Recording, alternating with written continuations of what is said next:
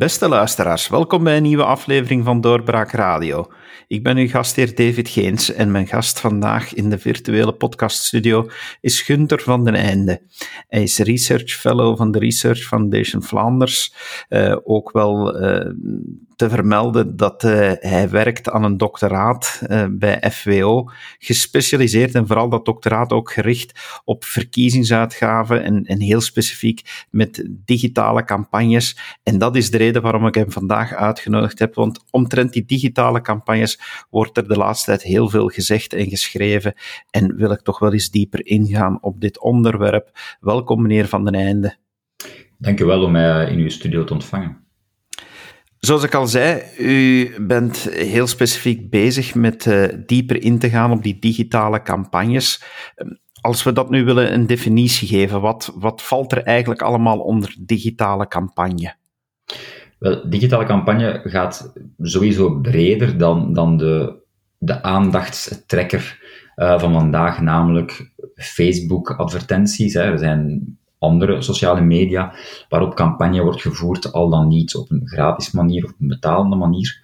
Maar er is ook nog steeds e-mail en websites die, die een belangrijke rol spelen in die uh, digitale campagnes.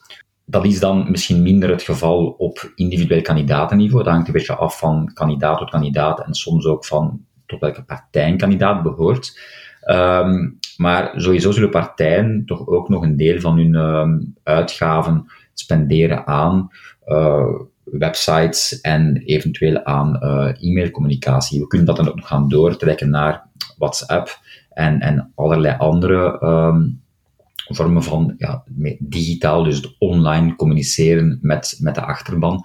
Maar specifiek uh, op campagne voeren, verkiezingscampagnes gericht, moet je weten dat het eigenlijk het online tijdperk in dat campagne voeren werkelijk is gestart met wat het in wetenschappelijke literatuur eigenlijk de Web 1.0 tools wordt genoemd. En dan hebben we het effectief over e-mail en websites. Um, bij pagina's, hè, dat was in tijd, vooral de VS waren daar dan, zoals bij al die zaken, wel de voorloper, waarbij dat congresleden een website uh, hadden en daar ook probeerden mee te, mee te mobiliseren en bezoekers aan te trekken, etc. Dan 2007 ongeveer komt dan sociale media ook meer en meer op. En dan krijg je natuurlijk uh, Facebook, dat, de voorganger daarvan waren uh, een soort van chatrooms. Wij herinneren ons dat nog wel. De jongere luisteraars hebben daar waarschijnlijk minder herinneringen aan of geen herinneringen. Maar blogs en chatrooms, blogs kennen ze nog wel, maar chatrooms was een beetje de voorloper van die um, sociale media. Waar het eigenlijk mogelijk werd om in plaats van informatie te delen, zoals je dat met een folder doet. Een website, daar deel je informatie die je op die website zet. Mensen moeten bewust naar die website surfen en dan kunnen ze die informatie raadplegen. Een beetje uh, de digitale folder, alleen de folder komt in je brievenbus terecht. De website kan dan eventueel met een e-mail link naar die website, kan je dat op die manier verspreiden.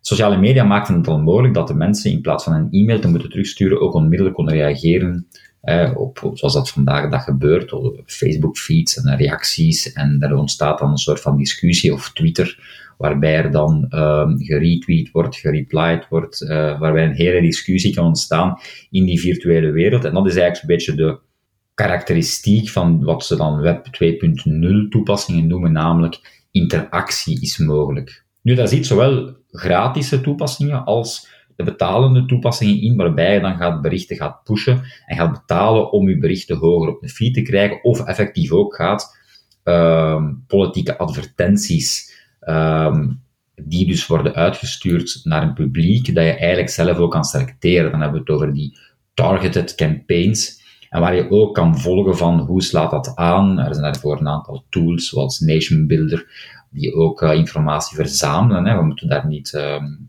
naïef in zijn. Hè. Dus uh, heel, heel het online gebeuren, los van de, de polemiek die ontstaat rond de uitgaven die er naar gaan, heeft ook wel een privacy kant. Hè. Dus er worden gegevens uh, opgeslagen, er worden profielen toch wel opgemaakt, hè, van wie is er geïnteresseerd in uh, die thema's, wie kunnen we met die thema's triggeren. Um, dus dat is een beetje wat we onder digitale campagnes verstaan. En dus in mijn onderzoek kijk ik naar digitale campagne-uitgaven mijn onderzoek beperkt zich weliswaar tot de sperperiode zijn, dus de officiële campagneperiode voor een verkiezing. Um, maar ik volg natuurlijk ook uh, wat, er, wat er, de debat rond sociale media en uitgaven aan sociale media, et cetera, volg ik ook van, van dichtbij tussen die verkiezingen. Hè. De, de laatste, de Adlands, um, het Adlands onderzoek, laat me dat zeggen, dat in de, in de pers verschenen is, uh, gaat breder dan die sperperiode. Hè. Er, is, er is sowieso de sperperiode vier maanden voor de verkiezingen van 2019, maar daarna is er een hele is er nog heel, zijn er heel wat uitgaven geweest door politieke partijen aan uh, advertenties sociale media, om, om diverse redenen, die dan tot die hoge cijfers um, aan uitgaven leiden, waardoor we met toch vier van de vijf uh, in de top vijf staan. En in de top 10 denk, denk ik dat, dat we als Belgen toch met een man of zeven zijn, hè, dus um, voor uitgaven. U sprak daarvan die interactiviteit. Is dat iets wat breed verspreid is, want uiteindelijk die mogelijkheden zijn er wel, maar is dat een klein clubje van kiezers die in interactie gaat? Hebt u daar een idee van, of is dat net een, een brede laag van de bevolking? Uh, hoe, hoe ver gaat dat tegenwoordig digitaal? Goh, er is wel er is wel onderzoek gedaan naar, naar uh, die interactiviteit en naar uh, in hoeverre dat dat aanslaat en, en hoeveel volgers en hoeveel likes en maar dikwijls zijn het dan vooral die likes ook die wel uh, als belangrijk worden bevonden. Nu kunnen we ons afvragen, is een like echt iets interactief? Hè? Iemand die uw bericht liked, je hebt daar eigenlijk een soort van interactie mee, want je weet van, ah oké, hij heeft dat gezien en hij vindt dat ook tof. Uh, iemand die het dan niet liked, maar die commentaren geeft, waar dan weer al in discussie mee kan gaan. Nu, ik weet niet of dat echt, uh, een, een, dat is niet mijn onderzoek, dus ik weet niet hoe breed dat het publiek is dat aan dat soort dingen deelneemt. Maar als je zelf zo van die reacties leest uh, op uh, gelijk welke kranten, pagina's, et cetera, ja, dan zie je dat dat ook niet altijd de, de, meest, um, de meest fraaie reacties zijn. Hè. Dus mensen zullen misschien vaak eerder reageren wanneer ze er heel positief tegenover staan, of wanneer ze er heel negatief tegenover staan. Je hebt dan zo die, wat ze dan altijd zo de, de stilzwijgende massa noemen. Ja, als je er neutraal tegenover staat, of, of een beetje positief, of een beetje van, ja, allee, waar komen ze nu weer mee af, dan ben je waarschijnlijk minder geneigd om in je pen te kruipen en nu te gaan mengen in dat, in dat online debat. Natuurlijk ook zo, dat dat online debat, um, je moet er zelf al naar gaan kijken naar de reacties, iets wat ik eigenlijk niet zo vaak doe, hè, om te zien wat, wat denken ze van. Die politieke partijen zullen daar wel naar kijken en zullen wel proberen te meten van, kijk, hoe wordt daarop gereageerd? Hè? Dus door volgers. Dus dan heb je sowieso al een deel van de achterban. Je hebt daar al natuurlijk ook een beetje journalisten tussen zitten of, of, of anderen, of het wordt dan gedeeld en mensen reageren die dat dus niet bij de achterban horen. Maar het is eigenlijk een makkelijke manier en een goedkope manier om een ballon op te laten en te kijken hoe reageert mijn achterban nu op dit voorstel. Nu, wat we niet mogen onderschatten, en dat is iets ik probeer niet van de hak op de tak te springen, maar de discussie gaat vaak over hè, dus de uitgaven aan die uh, sociale media. Wat dat ook heel belangrijk is, dat is, er zijn ook sociale media die dus geen politieke advertenties meer toelaten, maar die toch een serieuze impact kunnen hebben. En dan bedoel ik mee, neem Twitter, hè, verbod op sociale media advertenties, hè, en, eh, die hebben dat beslist, ik denk dat dat 2019 was. Uh, politieke advertenties niet toegelaten, maar Twitter is op zich eigenlijk geen massamedium, uh, zoals we de televisiejournaals hebben of, of uh, kranten, etc. Uh, want je moet al iemand volgen om te kunnen zien wat hij tweet. Maar hoe wordt nu Twitter wel een massamedium? Wanneer het wordt opgepikt door de reguliere media. Hij herinnert ons Donald Trump, president van de VS. Ik ben geen volger van Trump op Twitter. Ja, het zou nu ook niet meer gaan, want hij is eraf gegooid. Maar destijds was ik geen volger van, van Trump, nog van het officiële adres van, of het de officiële Twitter-account van de president van de Verenigde Staten. Maar toch werd ik op regelmatige tijdstippen op de hoogte gehouden of geconfronteerd met de een of andere chockerende uitspraak die hij op Twitter deed. En dat was niet via Twitter, maar dat was via de krant dus uh, een krant uh, rapporteert iets in de Verenigde Staten, kranten in België pikken dat op en, en uiteindelijk wordt eigenlijk die tweet wordt ineens wereldnieuws. En, en daar zit je dan met, met er is hier bij ons, kunnen we dan verwijzen naar dus, uh, Georges-Louis Boucher van MR, die eigenlijk in ehm, die staat in de top 10, maar hij staat niet in de top 5. Maar als we nu puur, puur zouden doordenken op een, een, is het een strategie of is het geen strategie, dat laat ik aan hem. Maar er is vaak het verwijt van sociale media, de algoritmes, uh, conflicterende boodschappen of polariserende boodschappen, die worden meer opgepikt en die worden bovenaan geplaatst. Want dat is eigenlijk wat het algoritme eruit filtert, want dat, dat zijn dingen die enorm veel reactie teweeg brengen. dus dat is het algoritme van de sociale media. Um, en dat is eigenlijk hetgeen waarvoor die sociale media dan ja, niet goed zou zijn of, of dergelijke. Nu moeten we kijken dat wat de voorzitter van MR eigenlijk doet, um, ja, die gaat eigenlijk ook een soort van conflicterende boodschappen vaak. Uh, gaat hij tegen het regeerakkoord in of gaat hij tegen uh, een, een partij in de coalitie in? Hij maakt eigenlijk een conflicterende boodschap, die hij dan via Twitter de wereld instuurt. En wie is daar degene die beslist om die conflicterende boodschap eruit te lichten en dan kranten te verspreiden? Dat is eigenlijk de traditionele media. Dus ik denk dat ook voor traditionele media, hoewel het daar geen algoritme is, maar dat uh, ja, iets moet nieuwswaarde hebben om in een krant of op een televisiejournaal te, verschijnen. En er zijn studies rond, ik ben ondertussen de auteur vergeten, maar ik heb eens ooit uh, een cursus gevolgd rond uh, internationale conflicten en media bij Peter Verlinde, journalist bij de VRT, voormalig journalist bij de VRT. Waarbij dus duidelijk werd van, kijk, er is onderzoek en het type nieuwswaarde pas wanneer dat en dat en dat, het type geweld. Belgen betrokken in een natuurramp in het buitenland heeft meer nieuwswaarde dan, dan alleen maar mensen van, uh, lokale mensen betrokken, et cetera. Dus daar zit je ook eigenlijk met dat soort van conflictmodel, wat dat toch meer uh, aandacht genereert. Even naar die financiële middelen waar u onder andere onderzoek naar doet. Hoe verhoudt zich dat nu in, in de totale campagne? Als we de vergelijking maken wat er uitgegeven wordt aan digitale campagne tegenover uh, de hele campagne, is dat in deze tijden, gaat, gaat de grote brok naar digitaal? Of hoe zitten de verhoudingen eigenlijk in die budgetten? Wel, eigenlijk is er eerst en vooral iets dat je moet weten rond de, de campagnewetgeving. Dus België heeft uh, wetgeving op partij- en campagnefinanciering, wet Doren, wetgeving uit 89, tot stand gekomen naar aanleiding van schandalen zoals Augusta, hoewel ze juist ervoor tot stand gekomen is, Augusta, schandalen is dan juist, juist na die wetgeving uh, uh, boven water gekomen. Nu, er waren al schandalen in Italië, um, we laten in het midden of uh, onze politici zich toen laten inspireren hebben op die dingen en de vlucht vooruitgenomen hebben. Maar in elk geval is het zo dat uh, die wetgeving, in, die evolueert natuurlijk, en in 2007 heeft men daar beslist van, kijk, um, online advertenties, betalende online advertenties, zijn verboden als campagnemiddel. Dus men beslist dat voor de verkiezingen van 2007. En dat verbod wordt uiteindelijk opgeheven in 2013, maar het gaat pas in, dus het wordt pas terug toegelaten vanaf 2015. Dus men ligt het eigenlijk over de verkiezingen van 2014. Argumentatie om dat verbod te gaan opheffen was, kijk, het is in deze tijden, 2013 spreken we, niet meer te verantwoorden dat je wel advertenties mag betalen en plaatsen in traditionele media, in een krant of in een tijdschrift. Uh, televisieadvertenties in verkiezingssperperiode uh, is sowieso verboden. Dus we kunnen niet meer verantwoorden dat dat niet kan op een online drager. Dus moeten we weten dat eigenlijk de lokale verkiezingen van 2018 de eerste verkiezingen zijn, bij ons in België, waar uh, die betalende online advertenties toegelaten waren. 2019 zijn dan de eerste samenvallende verkiezingen, federale verkiezingen, regionale en Europese verkiezingen. Wij hebben onderzoek gedaan naar die verkiezingen van 2018, ook lokaal, alleen maar gekeken naar de kieskring Leuven.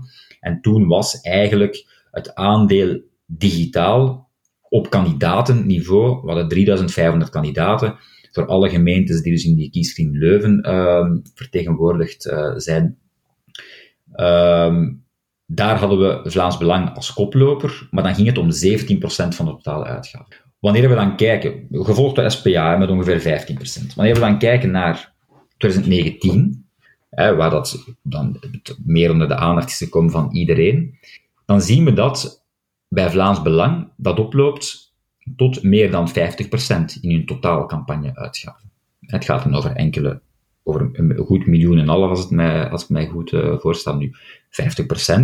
Nu, um, dat is veel, maar dat is ook niet alles. He, dat is ongeveer de helft, en dan blijft er sowieso nog altijd een, een aanzienlijk deel dat uitgegeven wordt um, aan traditionele campagne, campagnemiddelen. En dus om dan andere partijen uh, te gaan, te gaan uh, noemen, Open VLD bijvoorbeeld gaf 21,8%. SPA nu vooruit ongeveer 22,7% van zijn middelen aan digitaal. Daaruit komt dat dan ja, de perceptie leeft dat Vlaams Belang de verkiezingen gewonnen heeft dankzij de digitale campagne. Nu, ik denk dat we daarin dat we dat moeten nuanceren, dat dat zeker en vast een rol van betekenis gespeeld heeft. Dus ik heb, mijn onderzoek is nog niet afgerond, dus ik ga proberen te kijken in welk aandeel die digitale campagne, of dat effectief ook wel een enorm effect heeft op uw, uw voorkeurstemmen, et cetera. Maar wat belangrijk is, dat er ook 5% is uitgegeven, of iets minder dan 5% aan traditionele middelen.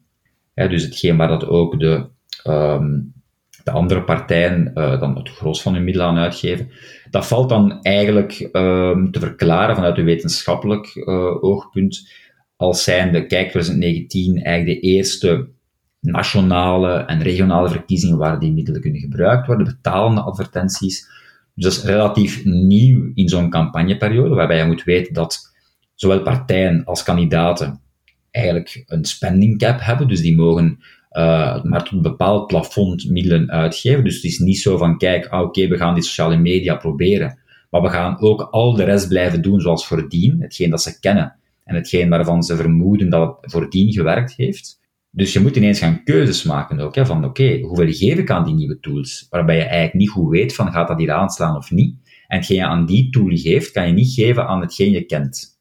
dus het feit dat dat een nieuwe, innovatievere techniek is, maakt dat, dat we in de literatuur ook wel uh, zien dat zeker als iets nieuw is, dat er meer de challengers, dus de partijen die niet aan de macht zijn, die niet die vertegenwoordigd zijn in het parlement, maar in mindere mate, zeker niet in de, in de regeringen, um, dat die toch gaan, meer gaan proberen en meer het risico gaan nemen van die nieuwe tools te gaan gebruiken.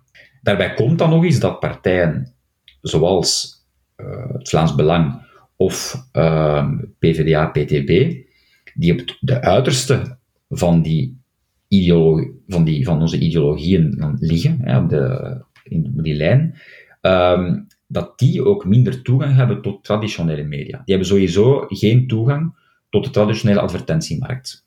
Of tot een beperkte advertentiemarkt. Dus hebben waarschijnlijk wel een aantal uh, blaadjes die, die, die hun ideologie gezind zijn, waar ze wel advertenties in kunnen plaatsen. Maar daar, daar ja, daar preek je toch wel een beetje voor degenen die al overtuigd zijn. Dus is om andere mensen die dus niet die blaadjes kopen, et te gaan overtuigen om voor uw partij te gaan, te gaan stemmen. Ja, kunnen ze niet een advertentie plaatsen in, in ons zeggen, een, een, een de standaard, de plaatsen nieuws, uh, de morgen. Um, die mogelijkheid hebben ze niet. En dat is ook iets wat we dan in de literatuur tegenkomen. Dus partijen of kandidaten die minder toegang hebben tot de traditionele media. Dat, dat hoeft daar, daarvoor niet de advertentiemarkt te zijn, maar ook iemand die een ministerpost heeft, of die parlementslid is, die heeft sowieso meer kans om in de traditionele media geïnterviewd te worden, te verschijnen, dan iemand die dat niet is. Dus partijen met minder parlementsleden, die dus challengers zijn, die zullen dan ook uh, uh, minder kans hebben om op die manier in de traditionele media te verschijnen, waardoor ze eventueel, en ik denk dat dat hier ook het geval is, hun aandeel uh, aan campagnemiddelen dat ze gaan spenderen aan digitaal gaat toenemen. Waarom? Ook digitaal heeft ook een van de karakteristieken, is dan dat het eigenlijk heel toegankelijk is, makkelijk of relatief makkelijk in gebruik, en dat het ook relatief goedkoop is. je kan ook trouwens, eh, die targeted campaigning, moet je niet onderschatten, je kan effectief campagne gaan voeren en zeggen van kijk, ik wil um, die mensen bereiken in die regio. Vlaams Belang heeft bijvoorbeeld ook campagne gevoerd in Wallonië. Hun campagnes in Wallonië, in elke kieskring, waren uitsluitend campagnes via sociale media, Facebook. dus uh, ze kunnen echt targeten van, kijk, wij willen nu dat bericht sturen naar de mensen in die Waalse provincie en die hebben die leeftijd. Dat is natuurlijk iets, wanneer je dat, zou moeten doen in een krant, uh, ja, het is degene die de krant koopt, die de advertentie ziet, de krant die eventueel bij de dokter ligt of bij de, of bij de, tandarts, ja, die wordt dan door meerdere mensen gezien, of bij de kapper. Maar als je de krant niet koopt, dan zie je de advertentie niet. Hè. Dus dat heeft wel een aantal voordelen. Je hebt daar gewoon meer return on investment. Dat is toch wat dat er uh, dan gedacht wordt. En zo kom je dus bij die partijen die uh, in campagne uh, toch een relatief groot bedrag uitgeven aan sociale media. Na de campagne, dus na de verkiezingen, ja, zag je dat eigenlijk die, die campagneuitgaven niet echt afnamen. Hè? Dus die, er werden nog, nog steeds advertenties gekocht. Hè? Het is dus tot nu, hè, de, de, alles wat met AdLens te maken heeft, beslaat ook de periode, uh, bestaat trouwens de periode, de eerste zeven maanden van 2021. Dus er zijn geen uh, verkiezingscampagnes geweest dan. Nu, als ik daarover mag, mag, mag uitweiden, dan, dan moeten we... Ja, dat zou sowieso mijn volgende vraag waarschijnlijk Wel, dan, dan, dan, dan, en, hier, en hier speculeer ik, hè, dus uh, hier, hier speculeer ik. Dus, uh, maar als we kijken, wie zit er nu in die top 5? Dat is de voorzitter van NVA, Bart Wever. Het is de voorzitter van Vlaams Belang, Tom van Grieken. Het is de voorzitter van de PvdA, PTB, Mertes. En dan plaats 4 zitten we met een Nederlandse politicus, te verklaren vanuit het feit dat er verkiezingen waren in Nederland. En dan uh, de vijfde plaats Conde Rousseau van vooruit. Wat aan mij daarin opvalt, dat is dat we drie van die vijf partijen zijn die toch deels in oppositie zitten. Hè. N-VA zit dan wel in de meerderheid Vlaams, maar zit in de oppositie federaal. En die drie partijen, daarvan zijn er twee die enorm vooruitgang geboekt hebben de verkiezingen 2019, wat, dan wat dat met de Belgische partijfinanciering regels een enorme impact heeft op hun inkomsten. Hè. Dus als we kijken naar, hè, we hebben het met professor Maddes uh, en uh, dokter Gert-Jan Put berekend, na de verkiezing 2019, dan is de winst van Vlaams Belang, in vergelijking met voor de verkiezingen, zijn er meer dan 5 miljoen euro meer inkomsten. Ja, PvdA, PTB heb ik dan uh, over laatst zelf eens berekend. Dat was een partij die natuurlijk, het is moeilijker omdat die natuurlijk een unitaire partij, uh, die dus ook op, uh, op Waals niveau dan een hoop subsidies krijgt. Maar daar zitten we ook met een stijging van enkele miljoenen euro's. Dus dat zijn partijen die, enerzijds zitten ze in de oppositie, en anderzijds hebben ze enorm veel stemmen gewonnen bij de laatste verkiezingen, waardoor hun inkomsten enorm gestegen zijn. Partijen die in de positie zitten en zich allebei aan het uiterste van de ideologische lijn bevinden, dus die minder toegang hebben tot televisiestudio's en zeker al niet tot gewone krantenadvertenties of, of advertenties op uh, traditionele media. Ze worden uitgenodigd in verkiezingsstudio's. Hè. Je ziet Tom van in studio's, je ziet uh, Raoul Hedebouw in studio's, je ziet uh, Peter Mertens op tv. Maar toch, oppositiepartijen hebben minder toegang tot, tot die traditionele media dan iemand die een ministerpost heeft, iemand die uh, in de meerderheid dan zit. Um, breng daarmee het, het geld en je hebt de verklaring waarom dat die partijen uiteindelijk ja, zoiets hebben van kijk, wij willen onze boodschap, onze oppositie die we voeren, willen we laten horen en we sturen die uit door dat soort advertenties. En dat lijkt mij een, een, een logische verklaring wat er gebeurt. NVA hebben we eigenlijk een beetje hetzelfde verhaal, denk ik, omdat NVA is achteruit gegaan in, uh, met de verkiezingen 2019. Maar ondanks het feit dat zij achteruit gegaan zijn, hebben zij de verkiezingen ervoor enorm veel gewonnen. En zijn zij sowieso op, op gebied van kapitaalkracht, zijn zij de kapitaalkrachtigste partij van België. Zitten zij op de grootste oorlogskas en hebben zij aan inkomsten nog steeds um, immens veel inkomsten.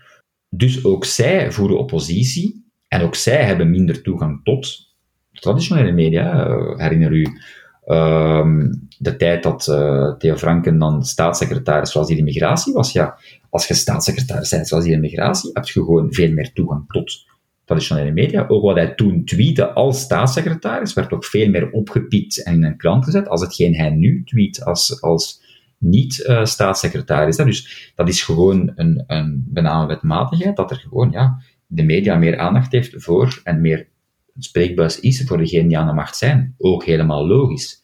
Dus die oppositiepartijen moeten zichzelf uitvinden. Neem daarbij ook nog eens een, uh, toch een, een covid-crisis, waardoor je ook al minder ja, fysieke contacten hebt, minder uh, bijeenkomsten, je hebt geen fysieke congressen, et cetera. Daar lijkt me dan toch een verklaring te zitten voor die, voor die hoge uitgaven. Hè. Veel meer inkomsten, we zitten op een berg geld, en moeten oppositie voeren, en kiezen dat medium. Oké, dan is er de vreemde eend in de bijt, vooruit met Conor Rousseau. Vooruit heeft dan ja, niet uh, gewonnen in de vorige verkiezingen. Um, heeft dus ook aan, aan, aan, personeel en aan, en aan middelen moeten inboeten. Um, maar er is wel een nieuwe voorzitter. De jonge voorzitter die inzet op, of lijkt in te zetten op vooral de jeugd. En zelfs op mensen die eigenlijk de eerste keer pas zullen gaan stemmen bij de volgende verkiezingen.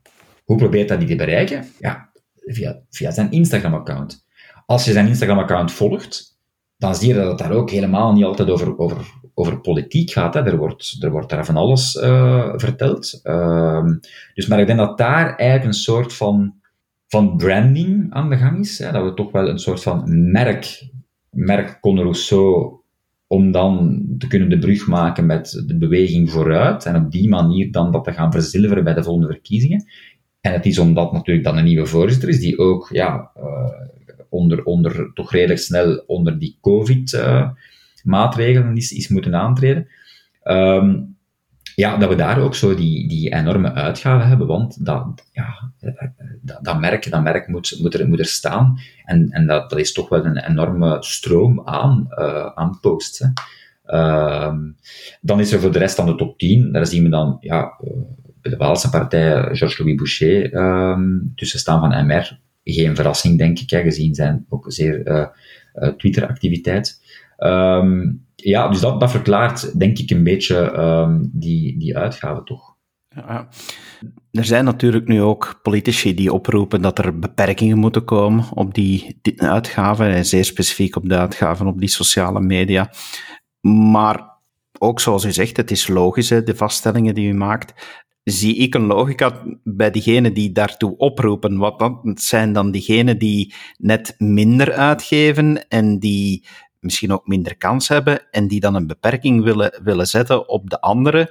Eh, ja, dan, dan, dan lijkt daar toch wel politiek eigenbelang ook in mee te spelen in die vraag om die beperking. Wel, ik denk dat alles wat te maken heeft met, met financiering, um, met campagnevoering, met beperken van campagnemiddelen, met uh, het tekenen van, van, van kieskringen. En er is daar uh, er is een woord voor in, in het Engels wanneer het, wanneer het, wanneer het lukt, dat is gerrymandering. En er is ook een woord wanneer het mislukt, naar een of andere, denk Amerikaanse senator die, daar, die zijn kiesdistrict daar tekende en uiteindelijk minder stemmen haalde. Dat is tollymandering. Dus al die dingen, ja, dat gebeurt natuurlijk dat, dit gebeurt door de meerderheid en dat gebeurt dan niet omdat ze denken dat ze daarna gaan stemmen verliezen. Hè. Ze hopen daar stemmen mee te winnen. Dat is trouwens ook het hele, um, ja, het hele, het hele paradoxale, laat ons zeggen, um, aan de partijfinanciering. Hè. Ik las uh, gisteren nog, er is verschenen in uh, Moustique, die is een, een Franse uh, perssite, uh, op 8 september. En, en ik, las een artikel ook juist over dus die Atlens-uitgave. En, en, zij, en zij zeggen daar, ah ja, uh, dus de rijkste, de rijkste allee, partij die nu het meest profiteren van dus de partijfinanciering en die er eigenlijk echt rijk van worden, zijn dan Vlaams Belang, zijn ook PVDA en is dan ook NVA. En, en maken zij terecht de opmerking, dat zijn allee, bijzonder wel partijen die eigenlijk niet betrokken waren bij het, het, uh, ontwikkelen of het uitschrijven van die wet op de partijfinanciering. Dus het is natuurlijk zo, wanneer partijen aan de macht zijn en, en aan de winnende hand zijn en veel middelen ontvangen, ja, daar worden ook partijorganisaties rondgebouwd. Hè. Er wordt personeel aangenomen, er worden gebouwen aangekocht, er worden gebouwen gehuurd, er worden... Allee, een partij groeit, groeit, groeit, groeit en heeft natuurlijk ook enorm veel middelen nodig, omdat die overheadkost redelijk, uh, redelijk groot is. Uh, je wil natuurlijk ook graag personeel behouden, want niemand ontslaat graag personeel. Zeker, denk aan mij in als politieke partij dat personeel ontslagen, dat echt ook een, een, een nachtmerriescenario is, want je wilt juist meer jobs creëren, maar je moet ze zelf ontslaan. Dus ja, partijen zijn redelijk creatief geweest in de loop van de jaren om altijd maar nieuwe bronnen aan te boren, om dan toch ook uh, van, vanuit die bron partijfinanciering te kunnen ontvangen. Hè. Er was eerst geen partijfinanciering op regionaal niveau. dat is dan toch uh, ingevoerd. Uh, ik denk dat het eerst in Wallonië was, daarna is Vlaanderen daarin gevolgd. En op den duur uh, is er financiering langs de alle kanten. Maar is dat eigenlijk een financiering? Ook het optrekken van financiering. Ja, de Senaat is afgeschaft geweest. Oké, dat was dan een financiering die eventueel zou weggevallen zijn. Maar nee, er is dan toch nog een financiering dat de Kamer extra betaalt. Voor als je ook in de Senaat um, zetelt, dan krijg je daar toch ook nog een bedrag extra voor. En dan krijg je ook nog een bedrag per stem.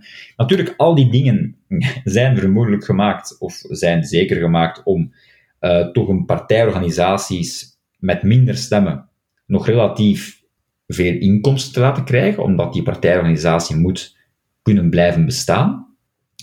Maar het perverse effect, of het, of het, of het neveneffect ervan, is natuurlijk dat partijen die niet aan de verliezende hand zijn, maar die aan de winnende hand zijn, wanneer je meer krijgt als verliezende partij, of evenveel krijgt als verliezende partij als toen je aan de winnende hand was, dan krijgt iemand die aan het winnen is natuurlijk nog meer.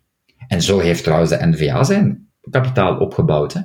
Daar moeten we niet flauw over doen. Hè. Zo, is, zo, komt, zo komt ook um, Vlaams Belang aan zijn meer dan 7 miljoen euro aan partijdotatie op een jaar. Ja, uh, dus, dus voilà, daar, daar, uh, daar, daar, komt, daar komt dat, uh, dat, dat geld dan ook vandaan. Hè. Maar denkt u dan dat, dat er zou beter een beperking ingevoerd worden om een, om een gelijk speelveld te creëren? Of moeten er andere regels komen omtrent uh, die digitale advertenties? Uh, moeten er regels komen die enkel gelden tijdens de campagne, dus de, tijdens de sperperiode beter gezegd? Of, of ja, wel, hoe kijkt u daarnaar? Wel, wat, wat ook daarnaar kijk, is dat ik denk dat sociale media en online campagne voeren is een kind van deze tijd. Ehm, en het is nu eenmaal een manier om te communiceren. Mensen communiceren via sociale media. dus uh, ik heb een peetkind van, van 13 jaar, ja, die communiceert via, via Instagram. Hè. Uh, als ik die vertel, ja, heb je die jongen dat je leuk vindt toch al een keer eens aangesproken in de speelplaats? Dan zegt hij, ja, nee, Peter, dat is beangstigend. Hè. Ik, uh, ik stuur die een bericht via Instagram, hè, terwijl ze daar op, op 10 meter op een speelplaats van staat. Dus de jeugd communiceert ook via sociale media. Dus als je wilt jeugd bereiken, zal je ook sociale media moeten gebruiken. Maar, daarentegen vind ik wel dat je als politieke partij die sociale media gebruikt en die betalende toepassingen op sociale media of op online in het algemeen gebruikt, met financiële middelen vanuit publiek gefinancierd, vind ik wel dat je aan beperkingen mag onderworpen worden. En dan is er bijvoorbeeld een gedragscode die in Nederland van toepassing is. De Tweede Kamer heeft die aangenomen. Dat is tot stand gekomen in samenwerking met IDEA International. Uh, die, is, die is redelijk goed uitgewerkt, hè, waarbij politieke partijen, het zijn tot nu toe natuurlijk alleen maar degenen die uh, die gedragscode onderschrijven, maar zich weerhouden van um, ja, misleidende berichtgeving. Uh, ze gaan zo ver tot echt op te nemen van, kijk, uh, geen gebruik van deepfakes van echt polariserende uh, berichtgeving. En ik denk daarbij dat Nederland, waarbij de partijfinanciering veel minder gul is dan in België, dat wij met hetgeen in België, met toch politieke partijen die meer dan 80% van hun inkomsten uit overheidsfinanciering halen, en die die inkomsten dan ook echt aanwenden om te communiceren met de achterban, wat ik vind dat een, dat effectief een taak is van een politieke partij, communiceren met de achterban. Veel meer dan, dan, dan gebouwen kopen en daarvan de helft verhuren. Um, maar je moet dan wel kunnen zeggen, en in België kunnen we dat volgens mij ook afdwingbaar maken, want het zijn publieke middelen van, kijk, als politieke partij is het zo dat je eerlijk communiceert. Hè. En dan, dan, dan zal de commentaar zijn, ja, maar wie gaat bepalen wat dat eerlijk is en wat dat waar is? Ja, er zal altijd een grens zijn, maar wil je als politieke partij over die grens gaan? Hè, wanneer je dan uiteindelijk zou betrapt worden met echt feiten dat dat echt manifest een leugen is, dan ga je ook zo door het slijk, wat het ook zou moeten. Maar ik vind dat er al een wetgeving bestaat die een politieke partij of kandidaten kan bestraffen. We kunnen dat financieel bestraffen, zoals we in de partijfinancieringswetgeving ook financiële straffen kunnen hebben, uh, of zelfs strafrechtelijke straffen voor dingen die echt manifest um, onwaar zijn en die misleidend zijn. Ik denk aan de campagne, het was denk ik tijdens de brexit, hè, dat um, Nigel Farage in uh, Groot-Brittannië een foto heeft gebruikt die, die van, van een hele migratiestroom die helemaal niet van deze tijd was, hij heeft die uiteindelijk gehaald uit de geschiedenisboeken en die dan uiteindelijk geplakt in een advertentie om dan uiteindelijk iets te gaan verspreiden wat dat echt het geval is. dus uh, van dat soort dingen. Uh, al ik denk dat die, die gedragscode van de Nederlandse Tweede Kamer eigenlijk een goede inspiratiebron kan zijn. En dat die van toepassing moet zijn binnen en buiten de, de sperperiode natuurlijk. Hè. Dus uh, u bent een politieke partij, u bent kandidaat bij verkiezingen, u bent mandataris, u bent parlementslid, u bent minister. Wel, wat u verspreidt, daar moeten we van kunnen verwachten dat dat toch aan een minimum van fact-checking is onderworpen. En dat je, wanneer je een foto wilt verspreiden van ik weet niet wat, dat je ook effectief een foto van dat post en niet van iets anders. He, dus dat er beelden genoeg beschikbaar zijn van gelijk wat, om een echt beeld te gebruiken en geen getruckeerd beeld.